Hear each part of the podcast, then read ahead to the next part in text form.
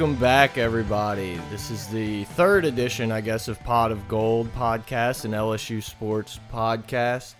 Uh, just to start off, I'm over here with Schneid and Mike. Schneid, what's up, man? What's up, guys? Mike, how you doing? Doing, doing good. We're ready, huh? So Yeah. this is the first podcast that we're actually going to do that we've been on iTunes. So we got a ton of great feedback. We had almost 400 downloads. How many days did that take? Too only a, That's a couple days, right? It took, I think, three days. We jumped to about 300, and then we've slowly ticked up. So, I mean, we could not believe the support that we got from this podcast. So thanks for the listeners. Thanks, yeah, that's you guys. incredible. Thanks, guys. yeah, I mean, we hope you're listening to this one. We hope you subscribed. We hope you liked what we did, and we're gonna keep doing that. We're gonna keep getting better.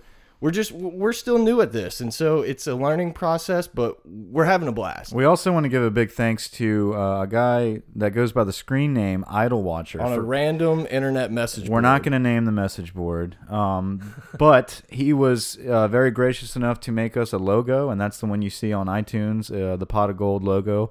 So shout out to Idol Watcher. and it's awesome. Thank you, man. We really do appreciate it. Uh, it's cool. I love the I love the picture. It's it's cool. I mean, it's uh, I suggested it on there to to get him to do some kind of pot, you know, like a pot of gold, uh, you know, a gold pot with a microphone, and it looks pretty neat. Um, we'll we'll keep that for now, and um, and we're gonna move on uh, with that. So thanks, Idle Watcher. Yeah, so appreciate appreciate it. Anyway. Yeah, so what we're going to talk about today, we're going to discuss the second scrimmage LSU had against themselves. Uh, we're going to jump into a lot of O line questions. There's some depth issues. We're also going to talk about the shadow staff. I don't know if a lot of people understand the shadow staff. It's this newer kind of thing that's popped up. Alabama's been doing it for a while. And so we're going to explain it and talk about the benefits of it to the program.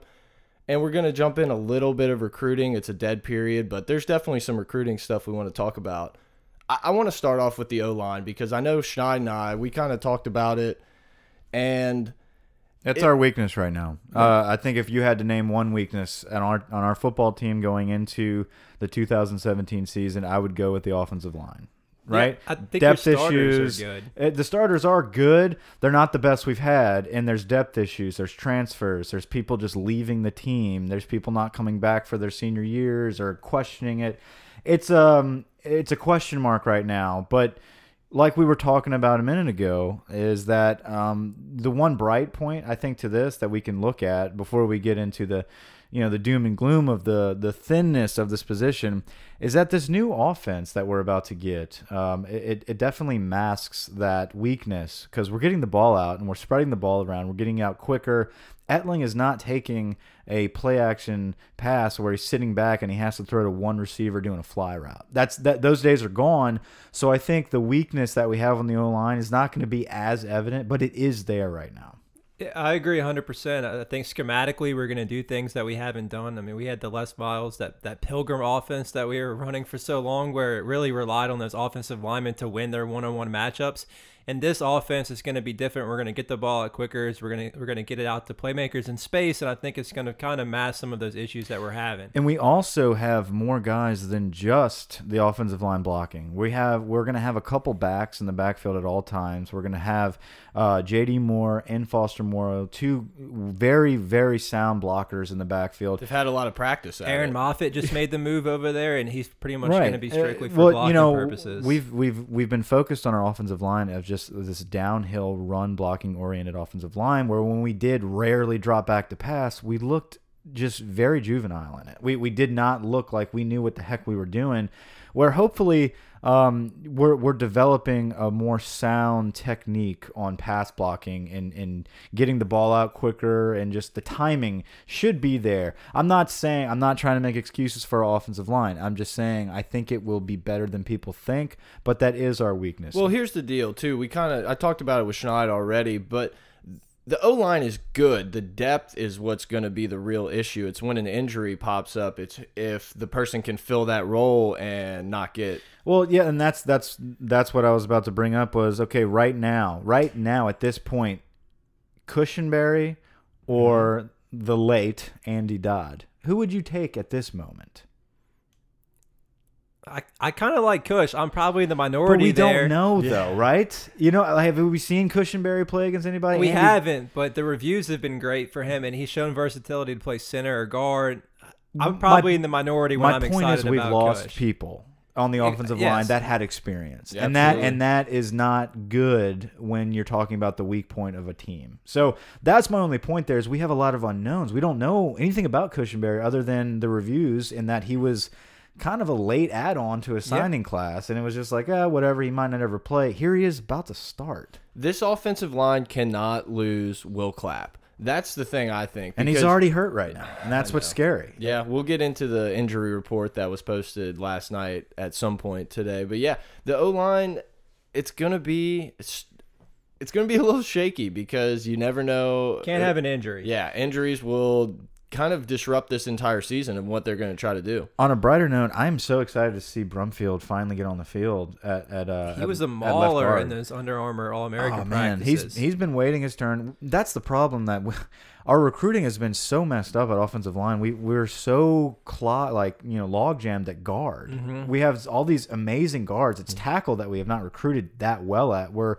guys like Brumfield have been waiting in line forever. He's finally getting a shot, and he may be the best one on this whole line when it's all said and done. I, I can't wait to see him shine. Him and Clapp in the interior. That's very strong. You know, Weathersby um, at right tackle. He's a big guy. I think once he understands his role at tackle after another year of playing, he's going to be great. Uh, I'm not worried about him. Malone, I'm. That's where I'm skeptical at, at left tackle. I think he's serviceable. He's good enough. He is a good player. He, I don't think he's an All SEC He's left not, tackle. but he- I mean, know? we got quality snaps out of him last year. quality snaps, and that I agree with that. That's what you're going to get from him. You're Right. not going to get an SEC All American type left and tackle. and that's I don't think we have that on our offensive line. I think that's what's scary right now is that is our weak point because everywhere else on our field on our team we kind of have that guy that could potentially be all SEC. Mm-hmm. O line is where we're kind of shaking at. That. I think Clapp could be an all SEC center For sure. but. Is he going to stay healthy? We don't know that right now. So that's our question mark. That's why we brought this up. It's honestly one of the only weak points that I can see other than quarterback, but that's just that's more of an unknown also. But we have depth there. We have young guys. We'll get into that later. Um, we're gonna harp on Myles Brennan uh, for a, for a pretty big segment later on. Um, but do you want to move on to shadow staff? Yeah, I want you, Schneid, I want you to explain to me Shadow Staff. What do these guys do? Yeah, the, the shadow staff is kind of a new concept for LSU fans, like Brett touched on earlier, that Alabama's been doing it for a few years now. And these are basically assistant coaches to the assistant coaches.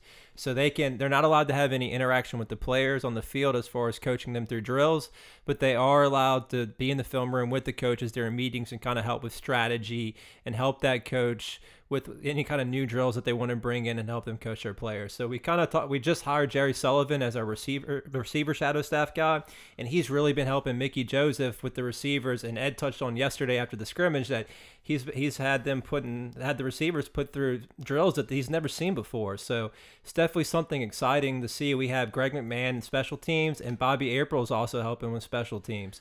So I think you definitely see an emphasis where that's where LSU needs to improve right now. We need to improve the receivers and we need improvement on the special teams, and we're kind of focusing in on that need. What about you, Dragon? What do you think? I, I was just gonna back up what you just said. Was that was our weak points, right? It was special teams was what we harped on all year. Like, man, like we're just kind of piecing it together with random staffers trying to put this together. Here, Ed comes in and hires two guys, Greg McMahon and Bobby April, to just sit back and strategize. That's it. You're just sitting in a film room and you're coaching coaches on what you believe is the best way to come up with a strategic plan against specific teams. You don't need to. What were you about to say about? Ed uh, has made it a point to say that special teams will be something that you will see a difference in. It, it's something that he understands we have been. We used to be dominant in. at it. Right, exactly. you look at our best seasons at LSU. Special teams was huge. Patrick Peterson. Uh, Patrick Tyrann Peterson, Mathieu. Tyrann Mathieu. You had studs like Laurent, uh, LaRon Landry, Jarvis Landry on Mm-hmm. kickoff team, just busting heads against uh, Auburn. You remember that year? Yeah. But the the point about this uh, is you bring in these two guys. First off, Greg McMahon and, and Bobby April, who have uh, look, we're not just bringing in random people to help. We're bringing in professional level people. So that's what I was going to ask before you jump into that. These guys have tons of experience at the college and at the NFL level. Is it an age? Why why are they not coaching? Why are It's they not on staff? Exactly. And I think, I mean, you just look at Jerry Sullivan, the newest addition at wide receiver. The guy's 73 years old. You you see all these young guys in the NFL right now. I mean, they're these guys want to retire. Is what I'm is what I'm getting at. Th- These guys are finished with their careers of coaching, hands on, the nitty gritty. Tired of the grind. Right. The everyday. I mean, coaching is a tiresome job. Right now, they just have that wisdom built up in their head and they want to talk about it. They want to help people, but they don't want to do too much work. This is perfect for them to sit back with a team that needs help in these two specific areas with young coaches. Let's face it, um, uh, Mickey Joseph, he's a young wide receivers coach. Okay. He hasn't really coached at this type of level yet. You've got a guy with the experience and the wisdom like Jerry Sullivan to come in and coach with you. He's been an offensive coordinator in the. NFL. You can't put a value on that. And and that's incredible that Ed is reaching out to all of his connections and doing everything it takes to get this team the best best that he can. You know what I mean? Like the, the best edge, everything that he can to do it, he's going to do it just like Alabama does. They have hundreds of shadow staffers. They're not all NFL coaches, but they have hundreds of them. We brought in 3 so far that have combined so much NFL experience. And Ed even mentioned that Greg McMahon may actually be hired full time for special teams. when we add that tenth coach. exactly in January. So that's something to look at, and that's just that's all progress, right? I think it shows a, a change in direction for our staff too, where Miles may have been more geared toward recruiting, and now we're we're kind of gearing that up towards yeah player development. Sullivan Sullivan is a guy that's been credited with the development of Larry Fitzgerald at Arizona, and then also for this past combine, he worked with Mike Williams and Corey Davis, the top two receivers in that class. So he's a guy kind of like Pete Jenkins on the defensive line who has a, a high pedigree that these players want to come and work for. And I think just for him to be able to pass that knowledge to a newcomer like Mickey Joseph, that's huge for our staff. It's huge. These guys cannot recruit, correct? Correct. Yeah. And I think that's that I was about to mention that too is the emphasis that you know Ed is Ed is known as this amazing recruiter. His emphasis ever since he's taken the job has been on coaching. Do you think it's because let me let let my guys Yes. go get the recruits and you guys develop them? Is that what Yeah, we're seeing? I think Ed is finally. I think Ed understands what he has to do as a head coach. He can't do everything. His his control is is managing what coaches do what. And I think what he personally is best at is recruiting. So he's going to get his guys. He'll get his players in. But I'm going to hire a Jerry Sullivan to coach up Mickey Joseph, who's going to coach up Drake Davis, who needs help on catching the football, on route running. The talent is there because I brought him here. But everything else, the fine details, I'm going to get the best guys that can communicate those techniques, and we're going to get them in this program because you can't just win on talent alone. We have seen that from LSU in the past decade. Well, you brought up his name. Drake Davis is a guy that took a year off in high school to play soccer. I think he became the number two recruit mm-hmm, nationally in mm-hmm. soccer that year. But Ed Orgeron said last night in the press conference that he's still a raw talent. You get the ball in his hand and he can play, but he still is learning the game and understanding routes and stuff like that. Jerry Sullivan's a great guy to be mm-hmm. able to teach him and help coaches teach these guys how to get there because maybe these newer wide receivers coaches, Mickey Joseph, they're not as versed in teaching as much of like taking these guys and getting them ready. Right. And I think the best place to get his talents on the field is in the return game. And that is what Ed's doing. And and you see in these latest articles, latest interviews, anytime Drake Davis is mentioned, it's not much about you don't see him mentioned much in the wide receiver play and the catches during the scrimmages, but you do see um, people talk about uh, the, the people that are that have access to some of these practices whenever there's an emphasis on special teams, when they're practicing those special teams, it's all about Drake Davis. It's about Drake Davis and Derek Dillon. We'll get into Derek in a little bit, but Drake Davis is so dominant in his cuts, his return game. It's it's just finding that way to get the ball in his hands, and the easiest way to do that is kick him the ball. So I think he'll be our kick returner. I think he may even return punts for us. Um, I think that can help. That can translate into his game as a receiver too. You let him make a few big plays in the return game, and just builds on that momentum. And it- Absolutely. the confidence carries over to the offensive side of the ball. Absolutely. Look, I, I remember years ago when he was a sophomore and his first highlight video came out from Dunham High School. the thing that stood out to me the most was all of his returns. It was his kick returning ability, it was his jet sweep ability. It was easy ways to get him the ball and have everyone know exactly who's getting this football. Everyone knew he was getting the ball, but he would make one or two cuts. He would dodge you. He was 6'5", ran, runs like a four three four four forty. It was dynamic, and he was a sophomore. He wasn't necessarily mossing dudes. No, you know? he was doesn't do more- that Yeah, yet. get him the ball and let him work. And so if we can add that ability to go up and get balls, it, it- he turns into one of the best receivers in the country. Do you remember? I, I don't remember his name specifically. I think it was Patterson, maybe the guy that went to Tennessee. He was a re- he was a big time wide receiver. Cordero Patterson, Cordell Patterson. He mm-hmm. returned kicks, mm-hmm. tall wide receiver. the. JUCO.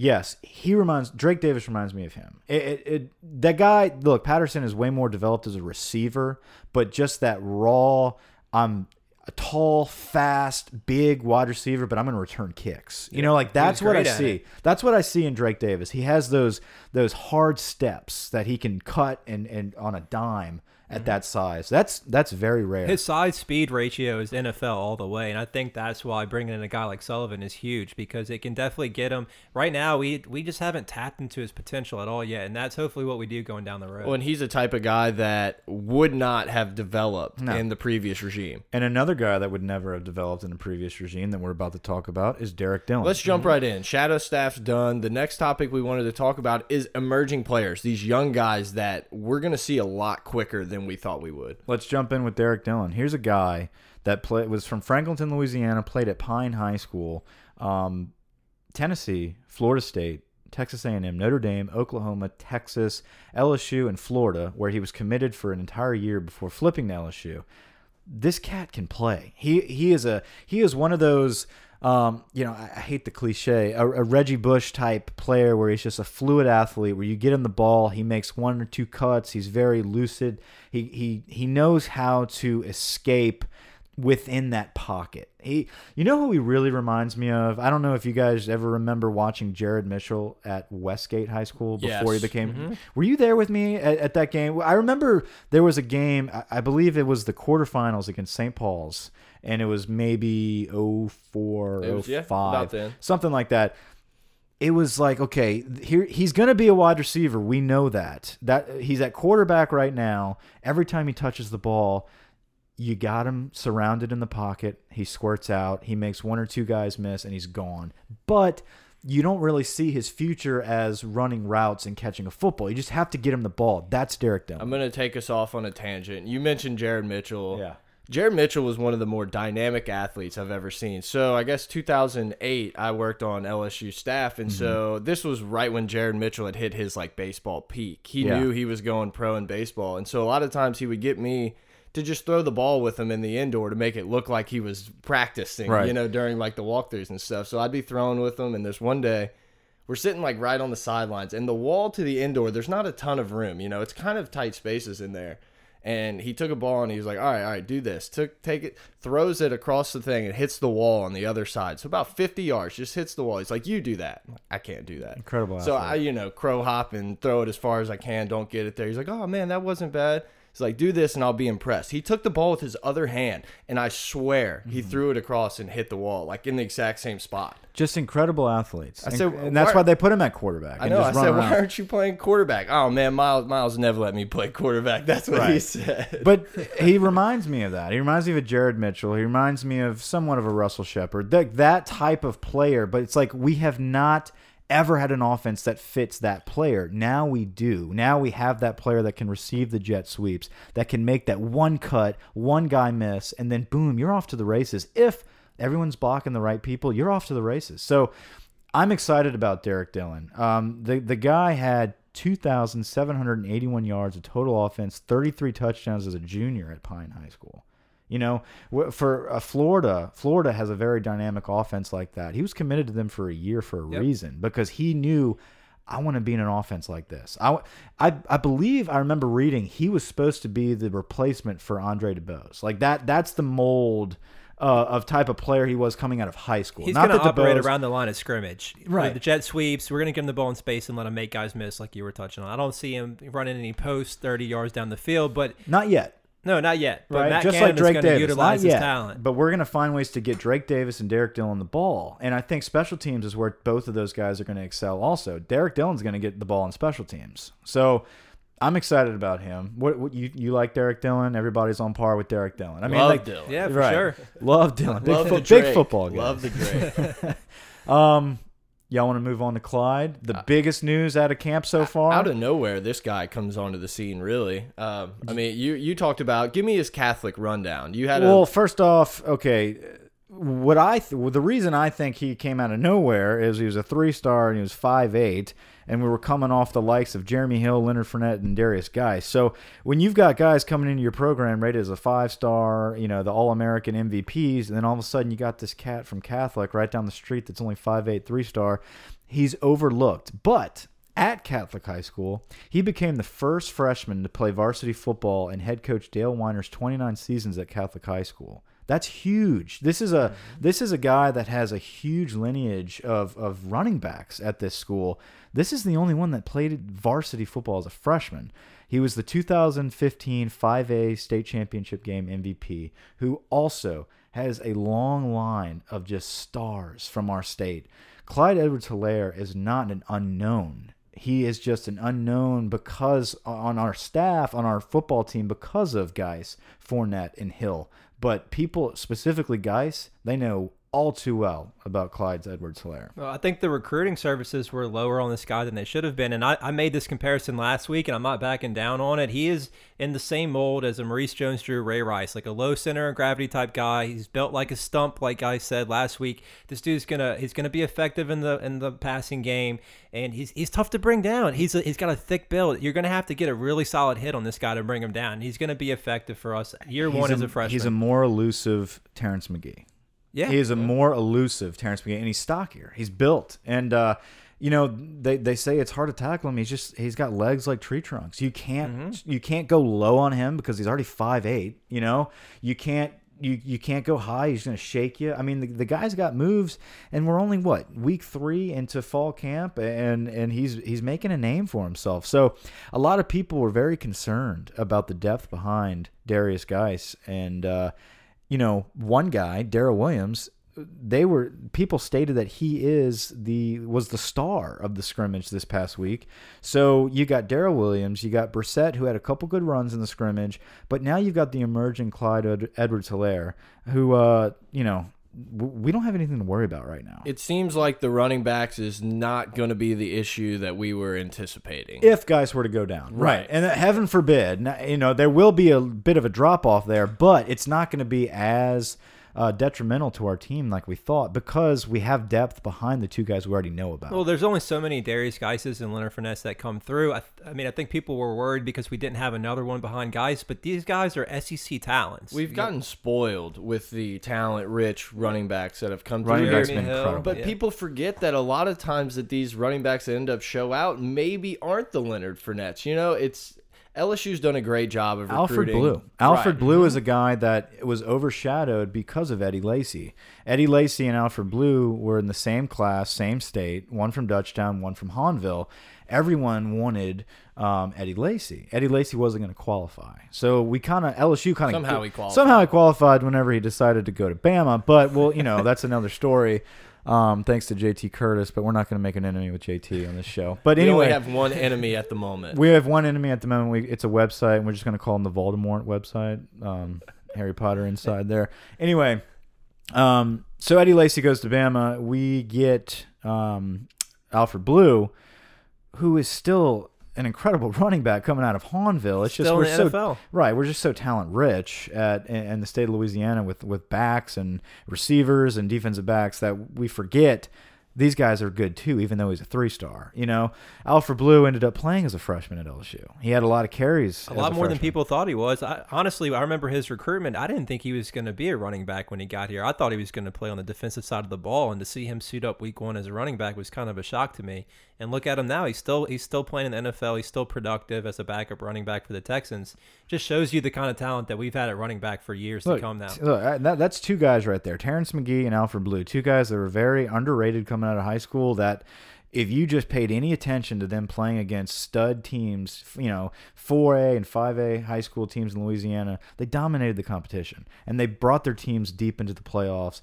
Magee specifically into multiple state championships. So, I mean, it's for people in the recruiting world, they don't get it because they're looking at stars and Mm-hmm. rankings and combine results. But when you're down here in the deep south, when you see people like Helaire play into the state championship against Rummel and and become the MVP and rush for the amount of yards he did, that's big, and that translates well to the SEC.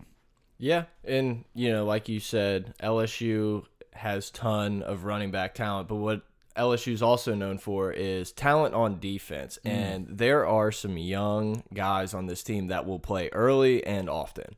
There's a guy.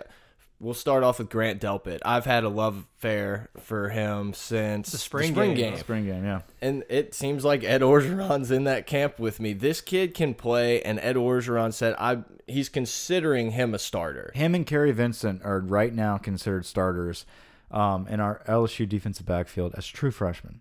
That's That's incredible. unbelievable. If you play as a true freshman in LSU's defensive backfield, you're most likely getting picked in the first round. You got guys like Tyrann Mathieu, Patrick Peterson, Morris Claiborne, Eric Reid, the list, LaRon Landry, the list, the list goes on, but those are the greats. Now, the greats started or played early as true freshmen. Right now, you've got Kary Vincent and Grant Delpit, specifically focusing on Grant Delpit because he's at safety. And safety is a harder position to step in as a true freshman. I don't think it's ever really been done. I think LaRon Landry started as a true freshman. Chad Jones had some playing time as a true freshman. Jamal Adams, Jamal Adams, did he start as a true freshman? Yeah. like it- probably week five or six, around that time, he right. earned the job. So, but these guys are like first round draft picks. So it's you know Eric Reid.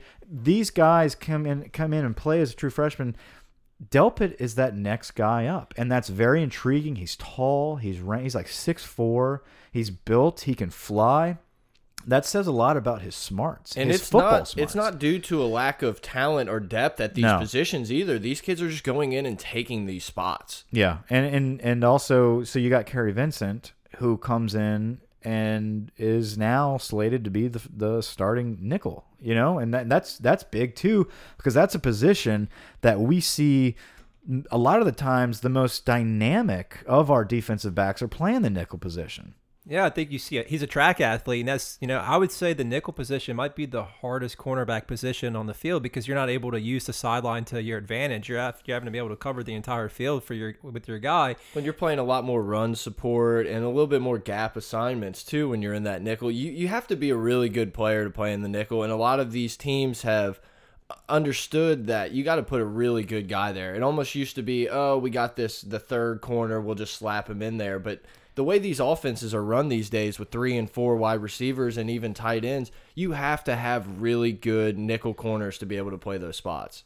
It's exciting to see these guys come in and make plays as true freshmen. And I know Delpit had a an interception return for a touchdown in the scrimmage yesterday because they're not they're not beating out scrubs. They're beating out five star Right. talents. And like that- we talked on uh, about Kristian Fulton before the podcast. That Kristian Fulton is now on the bench. yeah, and That's they're- crazy They're beating we him out. thought he would play as a freshman. We Right. thought he might get in a little action here and They're there. beating out Greedy. They're beating out uh, Fulton. They made Savion Smith transfer. I mean, like we we have depth. I don't know if he so much beat out Greedy. I don't think Greedy can play in the nickel like Vincent can, but the the young talent that we have at cornerback is unbelievable. Right. Like you just touched on Greedy, and it's not going to stop. Next year No. we've, we've got we've got a couple more coming in that are just as good. So, I mean, and that is huge with um, Corey Raymond. I mean, Corey Raymond's recruiting at defensive back has just been lights out, and it's not just Corey Raymond. It's it's the players. It's Jamal Adams. It's Tyrann Mathieu. It's Patrick Peterson. It's these guys that's that made their name known and harp on DBU. They make that image, and these kids grow up wanting to be the next guy. You are completely correct, and I feel like it's ridiculous that we haven't brought up his name in the three podcasts we've done. But Austin Thomas is a major factor in what we do and how we recruit these kids. So I don't want to just gloss over the fact that this guy is the best at what he does in mm-hmm. college football. So I I General just, manager. Yeah, I just want to make sure. NFL GM just want to sure. make sure we everyone knows that Austin Thomas is a big factor behind the building of this program. He's a he's the main reason we got Jacoby Stevens, Absolutely. who was a And- five and star Jacob Phillips. and Jacob Phillips. this He- dude's playing Madden with these kids, you know, building relationships with them. and right. stuff. He controls you know he controls that that Tennessee um, area, which is which is very interesting to me because I, I never really thought we'd have that strong of a hold in Tennessee, but we took their two best players. So that's incredible, and uh, that's a testament to our recruiting, and, and we've got some great coaches. Uh, to go along with the recruiting, we were able to to fly into Houston and pluck pluck Caleb Chase on uh, to to come play alongside and re and eventually replace uh, Arden Key. But it may look like this kid's playing a little earlier than we thought. So when we yeah when we were recruiting him, we thought this kid was one of those premier guys. It's someone that you get and it's a staple of your recruiting class. He might be better than that. If, if what we're Yeah. hearing is true, this kid is a three-year dynamic football player, and then Gone. it's off to the NFL top six. He's draft playing as a freshman easily. So I- I'm really excited to actually get to see what he can do because the coaches are just gushing over this guy. Him and Key on the field at the same time. That's you. You can't block that. It's gonna be there's. Aranda's gonna find a one-on-one matchup that we're gonna win with the talent that we have. I don't care how young these guys are. Aranda's gonna be able to use the talent that we have, and are, we're gonna put our young freshmen in positive scripts. to And their win the game. backups are incredible. You got K'Lavon Chaisson Arden Key, but I, I'm not even going to go in depth on the defensive line with you know Lawrence and Alexander and um, uh, all of Logan, them. Harry, Logan. Uh, I was going to say Logan. Yeah, Glenn Logan's been tearing it up also. We're, stacked there, but it's it's the guys that are behind Key um, with Chaisson, like a. Uh, Andre Anthony, Ray Thornton. I was gonna say Ray Thornton. That that's the guy that I'm so excited about, but he's just buried right now. Thornton, He's been getting a lot of first team reps. He's him, Divinity. Uh, right, but I'm saying like you got Chaisson and Key, and like wh where are you gonna find ways? How are you gonna find ways? We don't get paid millions of dollars to do that. You know, Dave Aranda does, and so we're gonna see that. It's but a that's great problem to have. That's what's so exciting is you got Andre Mm-hmm. Anthony, Thornton, Key, uh, Chaisson that are just going to be rushing the passer, just controlling that line of scrimmage. It- it's so exciting. I think there's going to be some incredible game moments where we're sitting down watching the game and we're going to see some really exotic packages where we're like, look what Aranda was able to do. You got Thornton, Chaisson, Key, uh, Lawrence. You got all these guys in the game at the same time, maybe playing out of position, but they're able to win their matchups and put pressure on Right, the we used to have that quote Mustang package that Mm-hmm. we put the Ugh. four rushers in and stuff. Let's get a Bronco package. Let's just bring every one of these guys. Just say you can't be on the field unless you are a five star, and we'll fill the field. You know, while we're still touching on recruiting, and uh, we did mention the running back position a little while ago, there was some news that just came out recently um, that top running, one of the top running backs in the country, Harold, Harold Joyner out of Alabama, uh, tweeted that, and he also had an article come out that we are back on top for him at number one, and and that's big because we were trending. Uh, as his top school for quite a while, and then he just dropped us. he eliminated us. He eliminated us uh, whenever we had a couple running backs um, come on board over the summer. We talked to him a little bit. We convinced him to to kind of broaden his his spectrum on or his outlook on where he could be placed in this class. And he he he shot us to number one. And like you mentioned, what was it? Uh, Derrius Guice had a tweet. Yeah, he had the the famous Ed Orgeron "Hold That Tiger" tweet, and I think that's Who knows that could be of about. note because they said uh, I read, I read an article that Joyner was FaceTimed in for the practice on Friday, and he got some FaceTime action with Derrius Guice. So maybe Maybe maybe, a guys commitment know the something there. Look, we were worried. People were worried about what's going to happen after Guice leaves. If you were able to pull in Joyner, Curry, Emery the next year, Davis the next year, and maybe even Noah Cain. I know a lot of people aren't too too familiar with recruiting, but let me just run it down for you. Joyner, the running back out of Alabama, Number six running back in the in the country this coming he, class. he's he's a big he's he's got a big frame. He's not a downhill bruiser. That's that's your Curry. That's the guy we already have committed out of Florida.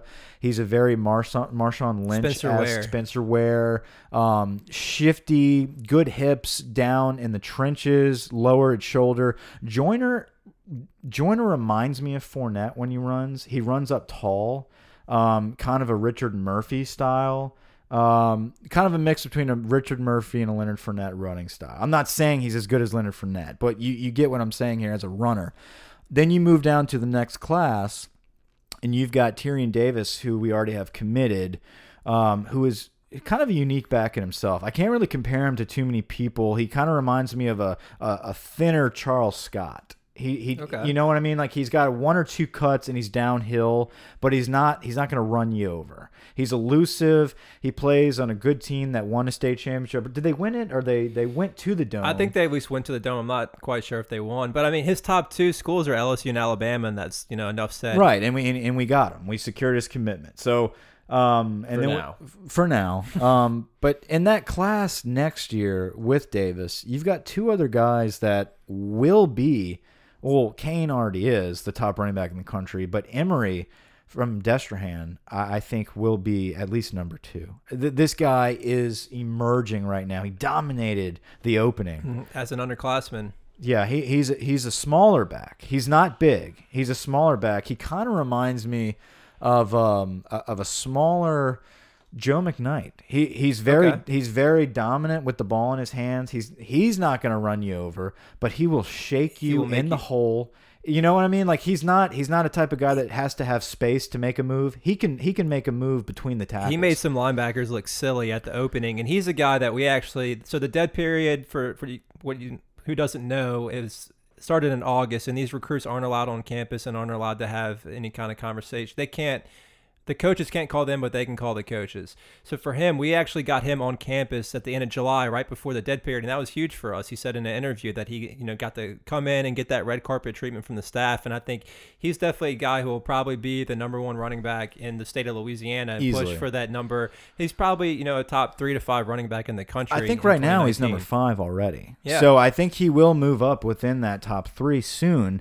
Um, and I think a, a, a big um, plus to getting his commitment, uh, a big advantage here is getting Justin Jefferson that just signed with us recently from Destrehan. I didn't even think about that. Because Justin De Jefferson and Emery were the two biggest playmakers for Destrehan last year. You get his buddy there, like we just got, that says a lot. The final Jefferson. At Yeah, LSU. the final, Je I think. Maybe. Yeah, who knows?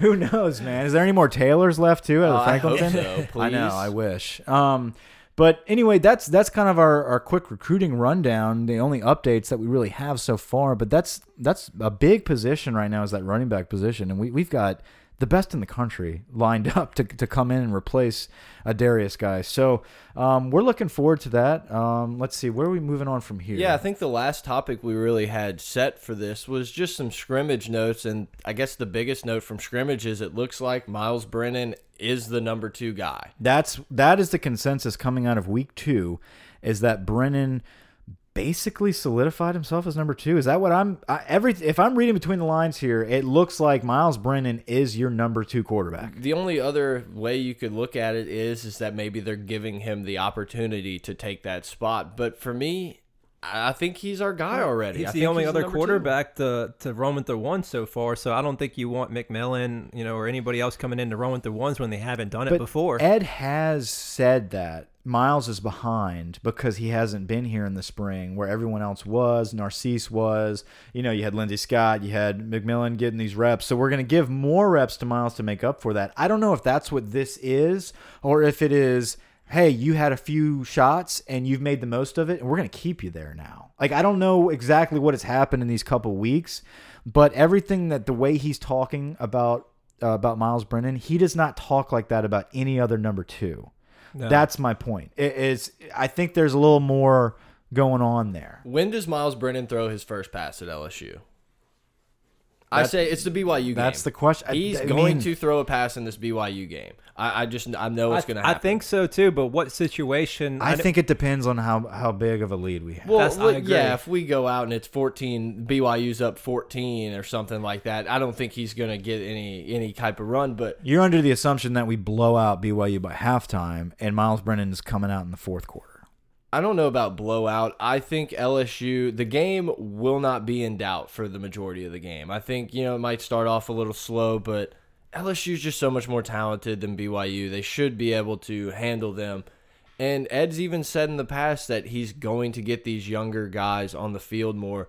And if Brennan's your prized possession, if he's the car, you got to take it for a spin. You got to at least start the engine and see what happens. So I just believe Myles Brennan will throw a pass. I don't know if it's going to be in the first half in a significant series. So. BYU is the game you're calling Brennan. If not, then he's going to throw in the Chattanooga game. So But, that I brings mean, us to that point we, we listed up here on our board. Uh, our talking point was about the red shirt. You know, w there's a new rule now, so he can play in four games. Yep. Right, you're available to play in four games. I, we looked, and there wasn't any SEC see, yeah, or conference stipulations on that, so I guess it's just four. But you then you can still take a red shirt even though you've played. Which in the past, if you see field time, you know guys like even Michael Clayton way back in the day burned a red shirt just Mm-hmm. to play in an SEC championship game.